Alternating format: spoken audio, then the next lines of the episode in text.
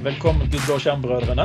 Eh, vi har jo hatt en sånn liten eh, serie nå pågående hvor vi har snakket om Cloud Native, og vi begynte å snakke litt om, om, eh, om, arkitektur generelt sett. Og det med arkitektur går veldig inn i de forskjellige områdene.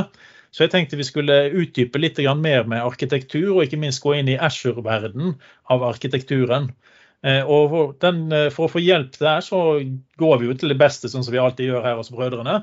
Så vi har Alexander, kanskje ikke ja, den beste, best, men, du, ja. men uh, Alexander the greatest. Og så har vi fått oss med uh, Ragnar Harper fra Microsoft. Hei, Ragnar. Hei, hei, hei alle sammen. Hyggelig å bli bedt med her. Ja, vi måtte jo nesten få deg med. Det er jo en uh, stund siden vi har snakket. Du har jo vært en mann som har vært travelt opptatt av og opplevd mye, mye, mye, gøy til det siste.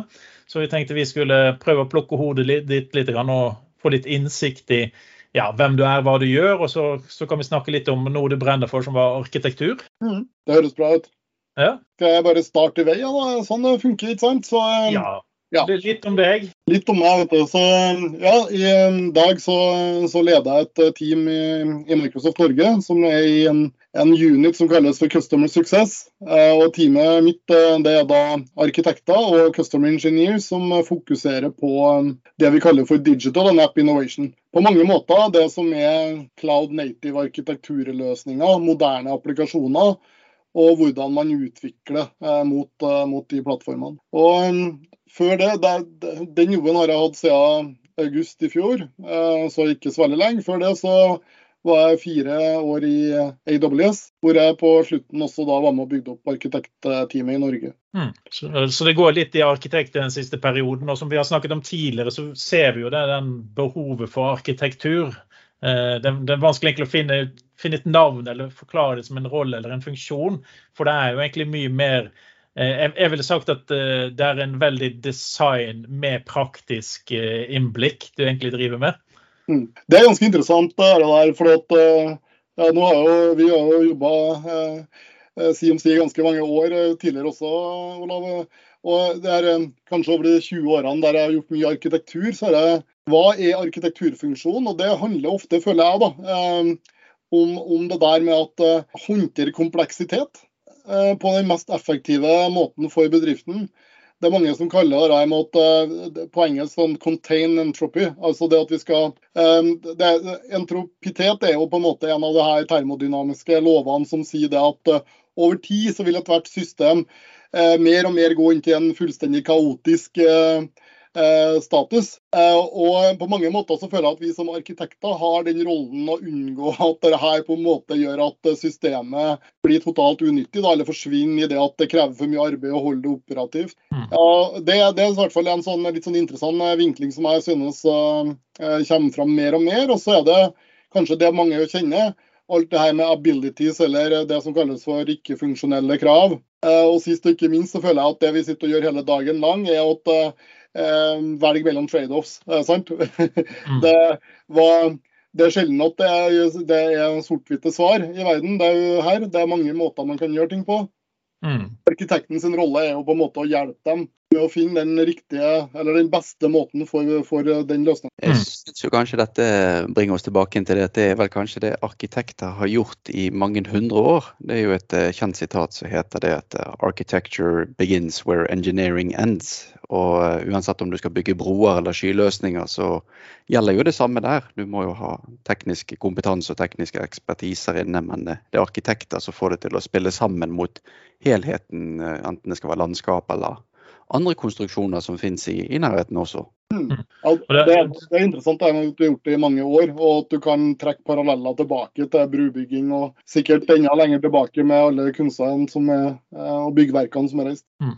Så, så vi snakket litt med, med, med, Bastian, så så vi jo fort at eh, en del av problemet det er at hvis vi ser i, i bransjen vår, da, eh, så har arkitekten nesten vært én mann i et firma.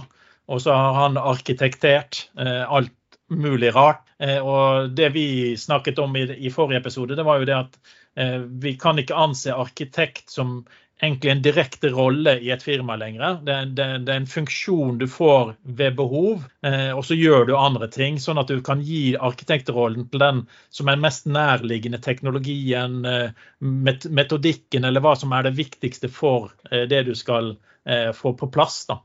Mm. Det er ganske interessant. for jeg tror jo det er Mye av det her moderne utvikling handler, akkurat om at vi har mange ulike hatter på kanskje ulike tidspunkt. Og jeg tror um, arkitekturrollen også finnes på ulike nivåer. ikke sant? Og det er definitivt den som er nærest å bygge det, har kanskje muligheten for å designe og, påvirke mye mer de valgene som ligger der. Mens kanskje en arkitekt som har mer ansvar for hele organisasjonen, vil mer jobbe på prinsipper. Sånn kjente prinsipp som at Eh, alt vi gjør skal være med API-er. All mm. kommunikasjon imellom. Uh, altså, man kan gjøre litt mer sånn uh, prinsipielle beslutninger kanskje for å håndtere løsninger over tid.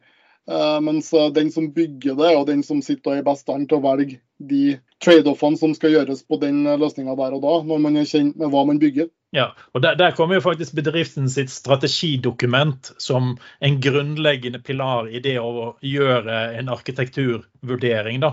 For du må liksom ha hva er vår strategi fremover? Eh, og så må du prøve å følge den som en del av prosessen her. At ikke du bare rett og slett eh, hiver deg ut og sier at nei, vi vil nå bruke AVS f.eks. Ja, men vi har jo aldri brukt AVS. Vi har jo både Google, vi har, vi har Azure, men vi har ikke AVS. Hvorfor skal vi plutselig endre strategi nå? Det ligger ikke i, planen vår. Eh, er det en god nok grunn til dette? Altså, du må jo, eh, jeg sier jo alltid at Vi skal alltid revurdere både holdninger og løsninger. Eh, og så se om tankene våre fortsatt holder vann. så Det er veldig fornuftig å gjøre det i ny og ne. Men å ha det underliggende strategidokumentet er vel veldig viktig, sånn at man ikke bare glemmer seg helt. Og Det er vel kanskje det viktigste som arkitekt er vel kanskje det å sørge for at det er forankra i det bedriften skal oppnå, og derav også forstå det strategidokumentene og kan kjøre det inn til teknologi. Altså, jeg tror det er jo, vi har, Jeg vet ikke hvor mange sånne silver bullets da, som vi har hatt opp gjennom tida. ikke sant, med det her er løsninga på alt, og alle sammen skal gjøre det. Og så spør du, la oss si at det å gå til sky, da, som er en, for, for veldig smart eh, på mange måter, men når du spør hvorfor skal du det, så bør det på en måte være et begrunna svar da, som gjør at det er noe mm. mm. fornuftig i det. Mm. Mm. Men det vi kanskje ser, er jo det at um, arkitektur det er et godt forstående begrep for uh, utviklerne.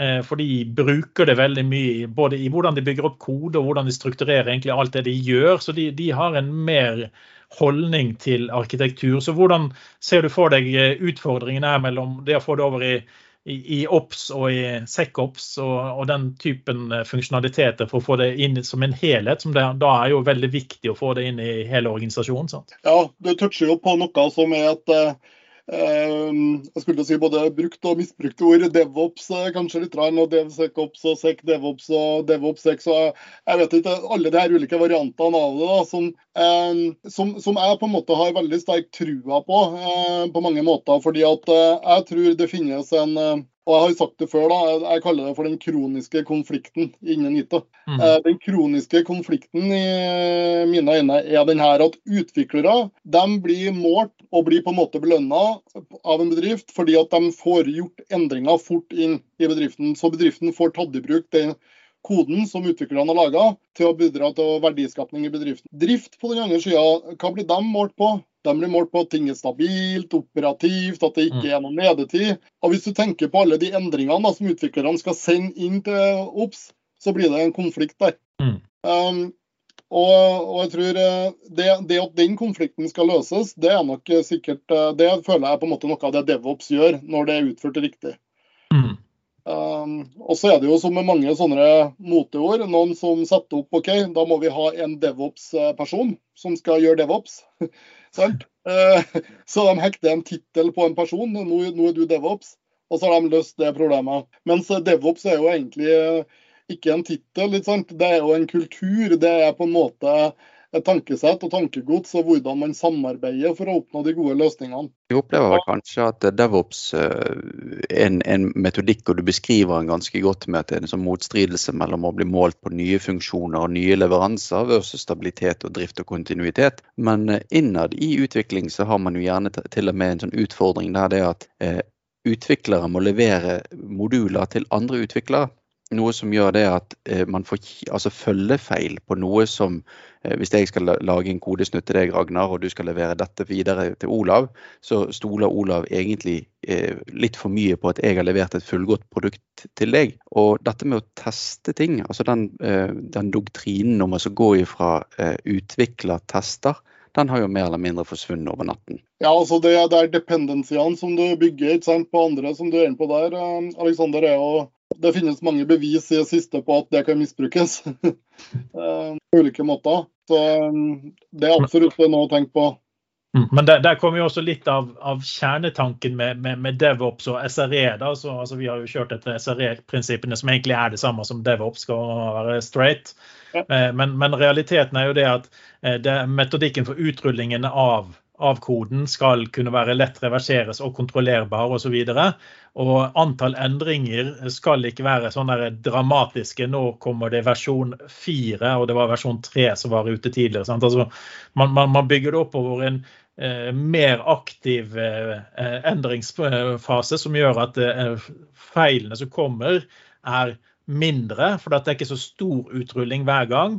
Og i tillegg så er det automatikk for hvordan du ruller det tilbake til forrige versjon uten at det blir påvirket. Så hvis du skal ha hele den, hvis du skal ha alt det der på plass, så krever det litt. Men når du først har fått det på plass, så er det mye mer stabilt pga. at alle kan leve med at en nettjeneste går ned i, i, fem minutter. Eh, men de kan ikke leve med at hele appen din eh, er ubrukelig og alle må avinstallere og installere den nye versjonen. sant? The good old days. Ja. Og det der er kjernen i det, tror jeg også. det med at uh, Vi har jo på mange måter over tid i teknologibransjen og IT-bransjen jobba med å på en måte rendyrke ting. Det, og, og, på en måte minimere det og gjøre det mindre og mindre. Uh, hvis du tenker bare på de første serverne, så installerte du en server, så kanskje du kjørte på 20-30 tjenester på den serveren, for nå hadde du endelig en server. Og så begynte vi å rendyrke serverne til én og én tjeneste. Så det var på en måte bare en mailserver, det var bare en DNS-server, og det var, det var, mye mer rendyrka. Og så har vi på en måte selvsagt virtualisert det, vi har containerisert det.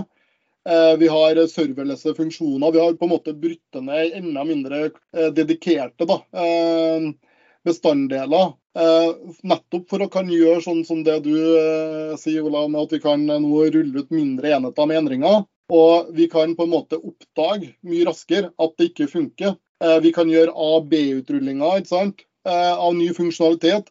Du kan starte og f.eks. si det at OK, nå har jeg gjort en endring her. Eh, nå skal 5% av alle forespørslene gå inn på den nye, og så kjører vi 95% på det gamle. Og så ser vi om de 5% om de går igjennom eller om de feiler. Mm.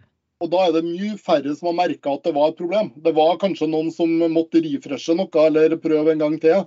Mm. Beskriver du egentlig det at det er blitt mer nødvendig å ha istedenfor flere faser, sånn som vi nevnte dette med testere og utviklere og, og driftere, at man heller er nødt til å ha dev stage pod-miljø? Det er også en sånn eh, konsulentsvar på tenker jeg, it depends på mye av det her. ikke sant? Fordi at det, vi, det som ofte man glemmer, er at det finnes en organisasjonell eh, del av det her også måten du gjør det her på, må også samsvare med den organisasjonen det gjøres i. Mm. Um, hvis, uh, hvis, en uh, stor enterprise sant, prøver å gjøre det samme som Netflix har gjort, uten på en måte å endre organisasjonen sin, så vil det mest sannsynlig feile. Um, hvis en organisasjon bare prøver å gjøre akkurat det samme som Amazon, så vil det antageligvis feile, fordi at de er ikke Amazon. Mm. Um, så det der med hvordan tilnærmingen skal være jeg tror eh, Det prinsippet som jeg liker, da, det er jo det med å prøve eh, mer. Eh, feil raskere. Mm. og, og, og, korrigere. ikke sant? Og Da kan du jo si det at um, hvor skal du gjøre testen? Ja, så vil jeg si at Hvis dette her er styringssystemet til et uh, atomkraftverk eller noe som er skikkelig seriøst, så bør du ha veldig mange gode tester før du slipper det i produksjon. Eh, men hvis dette her betyr at eh, en bruker må trykke to ganger på printknappen eh, hvis det feiler, Mm. Så jeg, jeg, tenker Vi kan jo si at du har behov for uh, utvikling, staging og prod, men du har behov for prod og prod uh, i mange tilfeller. Sant? For du må ha uh, Det at du har ting i staging og i testmiljøene dine, det, det, vil ikke hjelpe deg i produksjon, som du sier, med at du vil teste på 5% av brukerne dine. Så må produksjonen faktisk være satt opp sånn at du kan dele inn produksjonsdata.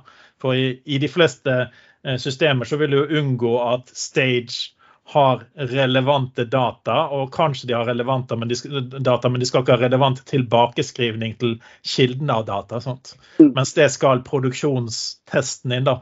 Så. Ja, altså det, det, er interessant, for jeg tror bare, bare produksjon er produksjon. Mm. Eh, selv om du prøver å gjenskape et, kopi av det, sånn som du sier. eh, så er det plutselig sånn at det finnes data i produksjon som ikke er i test, og som får et system til å oppføre seg på denne måten. Um, men igjen, små endringer med god overvåking. Og Det her er også en del av DevOps, det er med den fortløpende tilbakemeldinga. Og det at du faktisk har god observabilitet. da. Mm. Så, så, vil du sagt at i, i, en arkitektur nå, så er det veldig mye sånn at du, du baserer det på en DevOps-tankegang Eh, som en grunnpilar i, i arkitekturtankegangen, eller? Ja, det, og det vil jeg si. Altså, hvis du tenker arkitektur eh, 10-15-20 år siden, eh, kanskje enda, kanskje bare fem år, i enkelte tilfeller, så var en arkitektur det var egentlig sånn som vi sa den brua. Når du har, bygd, når du har tegna arkitekturen på brua og du har bygd brua, så var det dumt å si vi skulle hatt brua litt annerledes. Eh, det er litt mye arbeid, for den er allerede bygd. Mens med sky så har du på en måte mye mer den her muligheten for å gjøre endringer fortløpende. Så du er ikke like kan man si det, sementert da, på den arkitekturen du har velget, fordi at du nå enklere kan gjøre endringer mm. enn det som du kunne når du måtte bestille servere, få dem deploya, få rulla ut på dem. Altså I sky så har du muligheten for en mer evolutionary eh, arkitektur, som anpasser kan passe mer med DevOps-tankegangen. Jeg syns det er et, eh, en god ting, men, men, det som gjerne kan være litt utfordrende med sky, eh, for å gi en analogi siden du sa dette med bro, så kan vi jo si Ofredalstunnelen er jo regnet som å være verdens bratteste tunnel. fordi eh, var kommet ganske langt av tunnelen før de gjorde en feilkalkulering som gjorde det at du egentlig ligger i bilen når du kjører opp den tunnelen på slutten. Så det er akkurat som å ta takeoff på et fly. Men i, i, sky så kan jo du risikere at utgangspunktet ditt for der tunnelen begynte, og du begynte å jobbe deg inn, det har plutselig forandret sted før du kom fram. Så i skyverden så er ikke det bare at du skal fra et sted til et sted, men begge steder kan faktisk ha endret seg etter hvert som ditt prosjekt pågår. Så du må hele tiden gjøre tilpasning underveis for å sørge for at applikasjonen holder seg oppdatert og, og, og aktuell. Og det er jo et, eh, Du kommer inn på et sånn der um, ting som er veldig nært hjertet mitt. da, det er, jo, det, det, er ikke, det, er ikke bare, det, er ikke, bare, at det kan endre seg underveis, men det er nesten endre seg. For det, det er sikkert at det endrer seg. Mm. For det er så mye innovasjon og så mye nye funksjoner. og det La oss si du starta å bygge noe med AKS, og så kommer, kommer Asher Container Apps. Eh, og så ser du at det har jeg lyst til å bruke i stedet. ikke sant? Eh, og kanskje kan du bruke det. Eh, kanskje kan du ikke, for det er noen spesifikke behov som gjør at du ikke kan gjøre det. Men det er jo hele bildet av hva du kan gjøre på plattformen, endrer jo seg med nye funksjoner konstant. Mm. Og Hvordan bygger du en arkitektur som er i stand til å ta i bruk da, de funksjonene du vil? som er praktiske for deg å ta i bruk. Og der, føler jeg En av de viktige tingene i arkitekturdokumentasjon, eller i arkitekturen, så forklarer man, eh, eller bør man forklare hva man har vurdert og hvorfor man ikke gikk for det man har vurdert, sånn at man kan lettere gå tilbake igjen og gå samme veier på nytt igjen uten å måtte gå Pederskogen på nytt. Sant? For det er veldig ofte er det liksom sånn at vi vurderte å gå for serverless. Men eh, det var ikke et alternativ pga. Og så kan man, Hvis man et halvt år etterpå fortsatt holder på å implementere, så kan man si at OK, serverless, vår begrunnelse var dette her, og det stemmer fortsatt, eller det stemmer ikke i det hele tatt. Så det, det er lettere å, uh, å, å, gå videre hvis du dokumenterer liksom litt av begrunnelsene dine underveis. Da, da husker du i hvert fall hvorfor du velga som du gjorde. Eh, ja. Fordi at eh, Det som var hovedårsaken til at du ikke velger noe, kan for så vidt ha endra seg som du sier, når du kommer til implementeringa av det. Mm. Jeg synes det er veldig godt utgangspunkt og eksempel på dette med, med ADSL versus ISDN versus fiber. Eh, man gjør seg en tanke om hvorfor man implementerer en teknologi, og så kan det virke helt meningsløst når vi sitter der med funksjonen. Men på tide, altså den tiden som beslutningen ble gjort, så var det gjerne noe som ga veldig veldig god mening. Mm. Du, det, da, det kjenner du på, det tror jeg snakker om den største blemma jeg noen gang har gjort i IT-bransjen. Det var sånn der i 96-97 eh, tegna et eh, tiårsabonnement på Frame Relay, en bedrift på 64, eller var 128 K. Ja. Og Det var jo bra i 96, altså vi fikk en super deal, men de var ikke like bra i 2006. Mm. ja, det er sant. Ja. Deal blir slått gjennom den dag i dag. Jeg har jo hørt rykter om at Olav har tegnet sånn faksabonnement senest i 2007. Ja, nei, men altså Fax er jo blant de beste tingene du kan ha fortsatt. Altså det, det, er stabilt, sikkert, og så hører jeg når de kommer inn. sant? Og så slipper de å piping i telefonen. Ja, En god, jevn lyd i bakkant når jeg vet at nå prøver Ragnar å sende fax til meg. ikke sant? Har de slutta med spam på fax nå, så det er ikke noe problem noe mer egentlig det heller?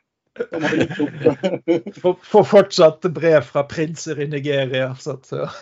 Ja, det, Via fax. at- Det minner meg om eh, Jeg har en, eh, en eh, kamerat som skulle eh, invitere Liv Ullmann på eh, en T-stilling her i Trøndelag. og så fikk han jo beskjed om det at hvis du skal ha, ha kontakt med henne, så er du nødt til å sende faks. Og det var ikke bare bare for han å finne en faks og få sendt beskjed. da. Ja, Så eh, Faks er ikke, det skal man ikke undervurdere. Nei.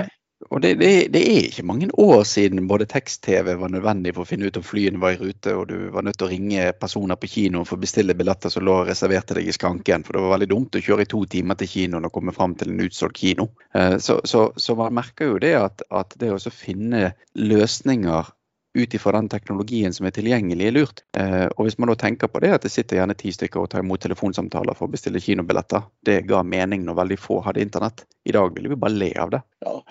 Det var jo, en, det var jo veldig sånn eh, kundefokusert, da. At de faktisk lot deg gjøre det, så du slapp å kjøre den bomturen. Mm. Det er jo det første men er det kanskje litt sånn i, i hele vår teknologiinnsikt, eh, er vi litt der at vi har trukket oss så langt at vi glemmer litt om, om de stakkarene som sitter igjen med det gamle miljøet sitt og ikke vet hva arkitektur brukes til i, i skybasert verden, og hvorfor skal vi gå over dette? Det- er det litt sånn at vi, vi er litt flinke, spesielt i Norge, føler jeg, i forhold til andre land, så er vi litt flinke liksom, til å skylappe på at, eh, at verden er så moderne, og så er realiteten kanskje litt mindre eh, der enn det vi trodde. Det er jo en eh, interessant um, ting å tenke på. Det som jeg tror, eh, hvis jeg skal bare I Norge så er vi veldig flinke på digitalisering når det gjelder å ha siste versjon av iPhone. Mm. Uh, Vi er veldig flinke på digitalisering på mye av det offentlige, vil jeg si. Eh, Og på mange, mange sånne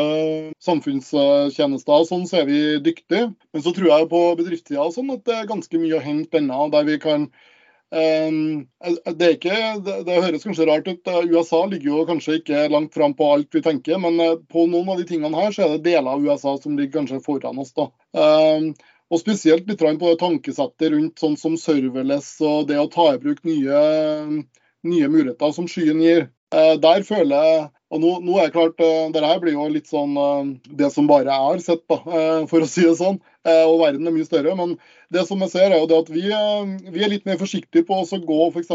på det nyeste. og ja, funksjoner. Det kan jo at det gjør jobben, Asher Functions, men alle sammen bruker Kubernetes, så det føles tryggere å gå med Kubernetes f.eks. Når man kunne ha lyst til det enklere.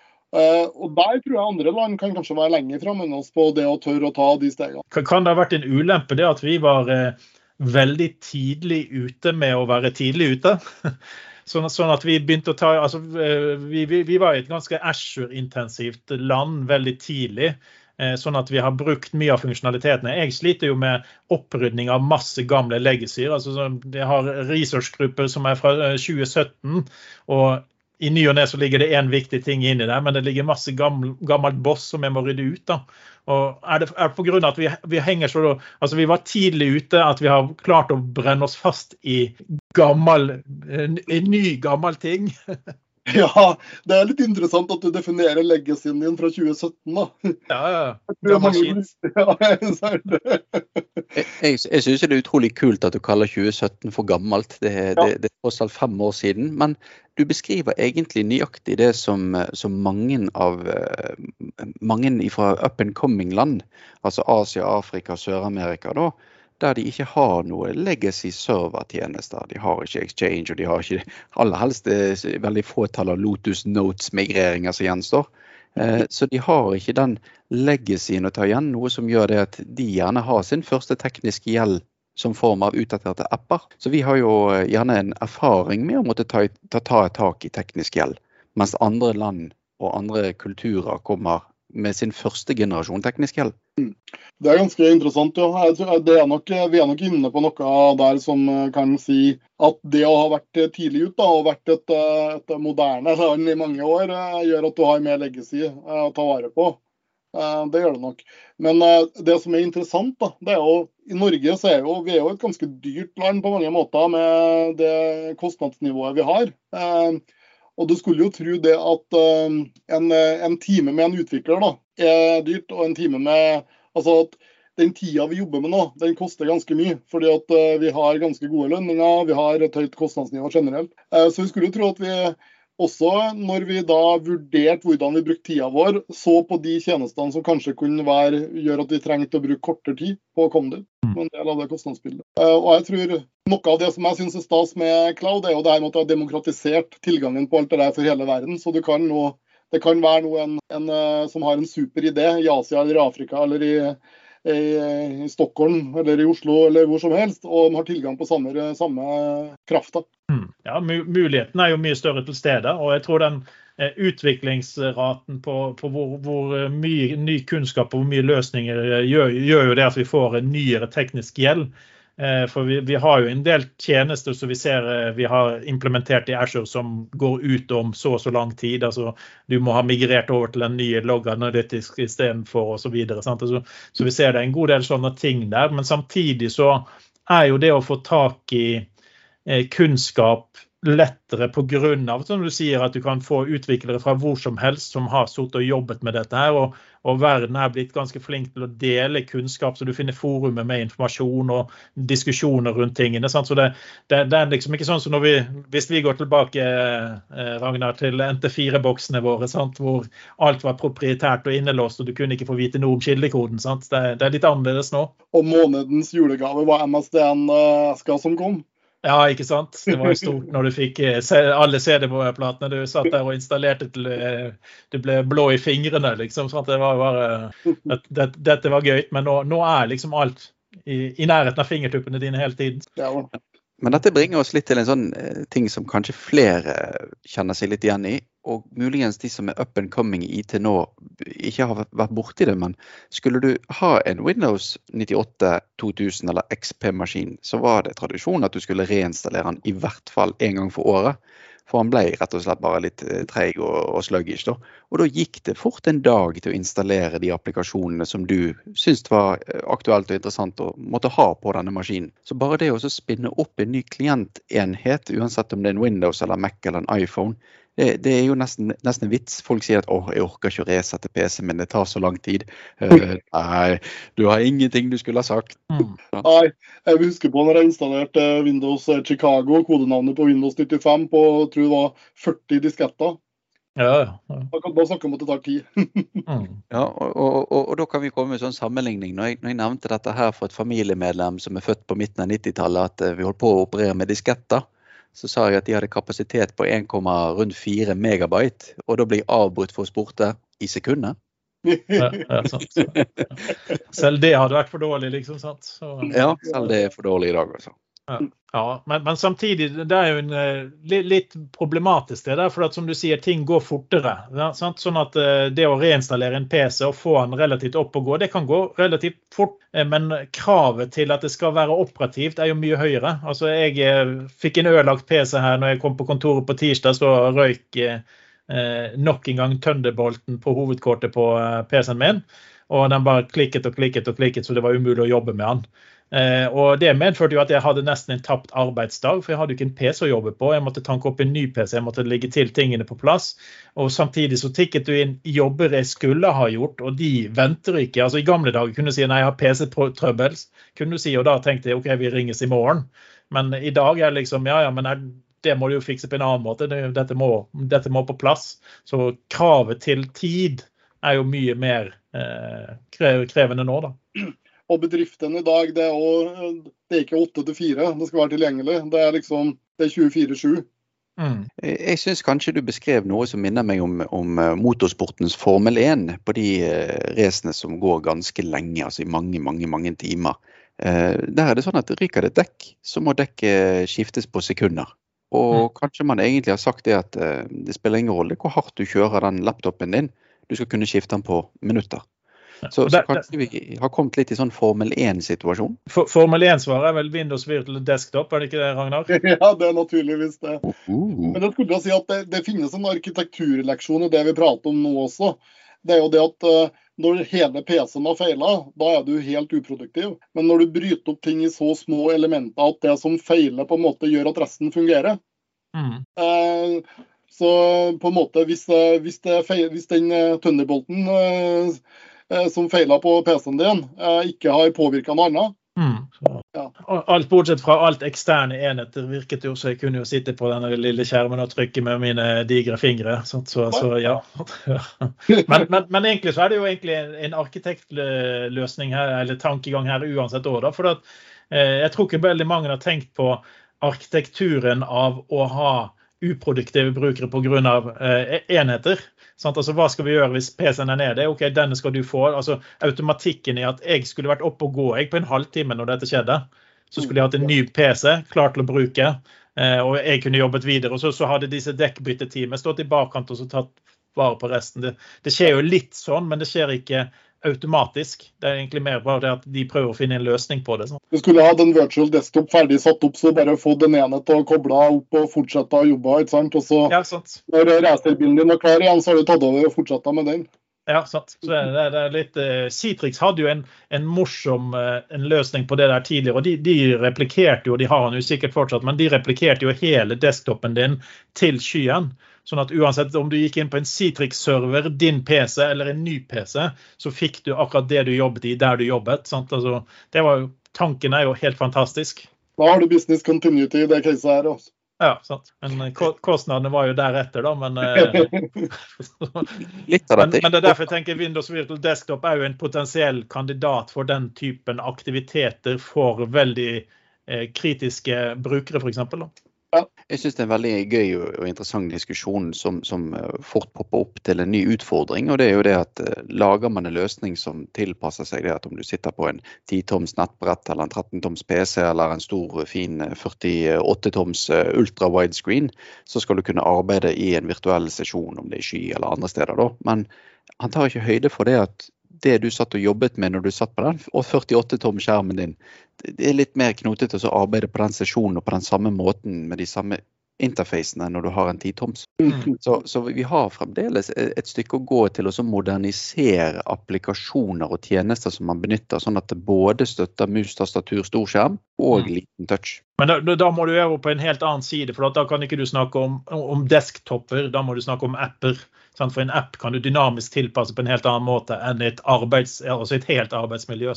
Mm. Yes. Nei, vi, vi, klarte jo å gå eh, godt utafor topic denne gangen, her, og det er jo sånn det skal være. Så det, det, det er jo veldig bra. Jeg, jeg, jeg, tenker vi skal eh, prøve å runde litt av der og håpe at det har vært eh, litt interessant. Jeg syns det har vært veldig interessant å få snakke med deg, Ragnar. like måte. Og det går som alltid, Aleksander. Å, takk skal du ha. Tunneler som eh, vi må få gjort noe med. Jeg vet ikke om vi kan redesigne den på en effektiv måte, men eh, du må jeg den tunnelen, da. For å se ja. flygestilling. Ja. Jeg har skikkelig lyst til å kjøre den tunnelen nå, altså. Sommerferien eh, blir planlagt her og nå. Ja. Vi får se om vi tar en Blåskjermbrødrene spesial live podcast mens Olav kjører og jeg sitter i baksetet og skriker. det høres bra ut. Yes, men da takker vi for nå, Ragnar og Aleksander. Jo, takk for nå. Ha det.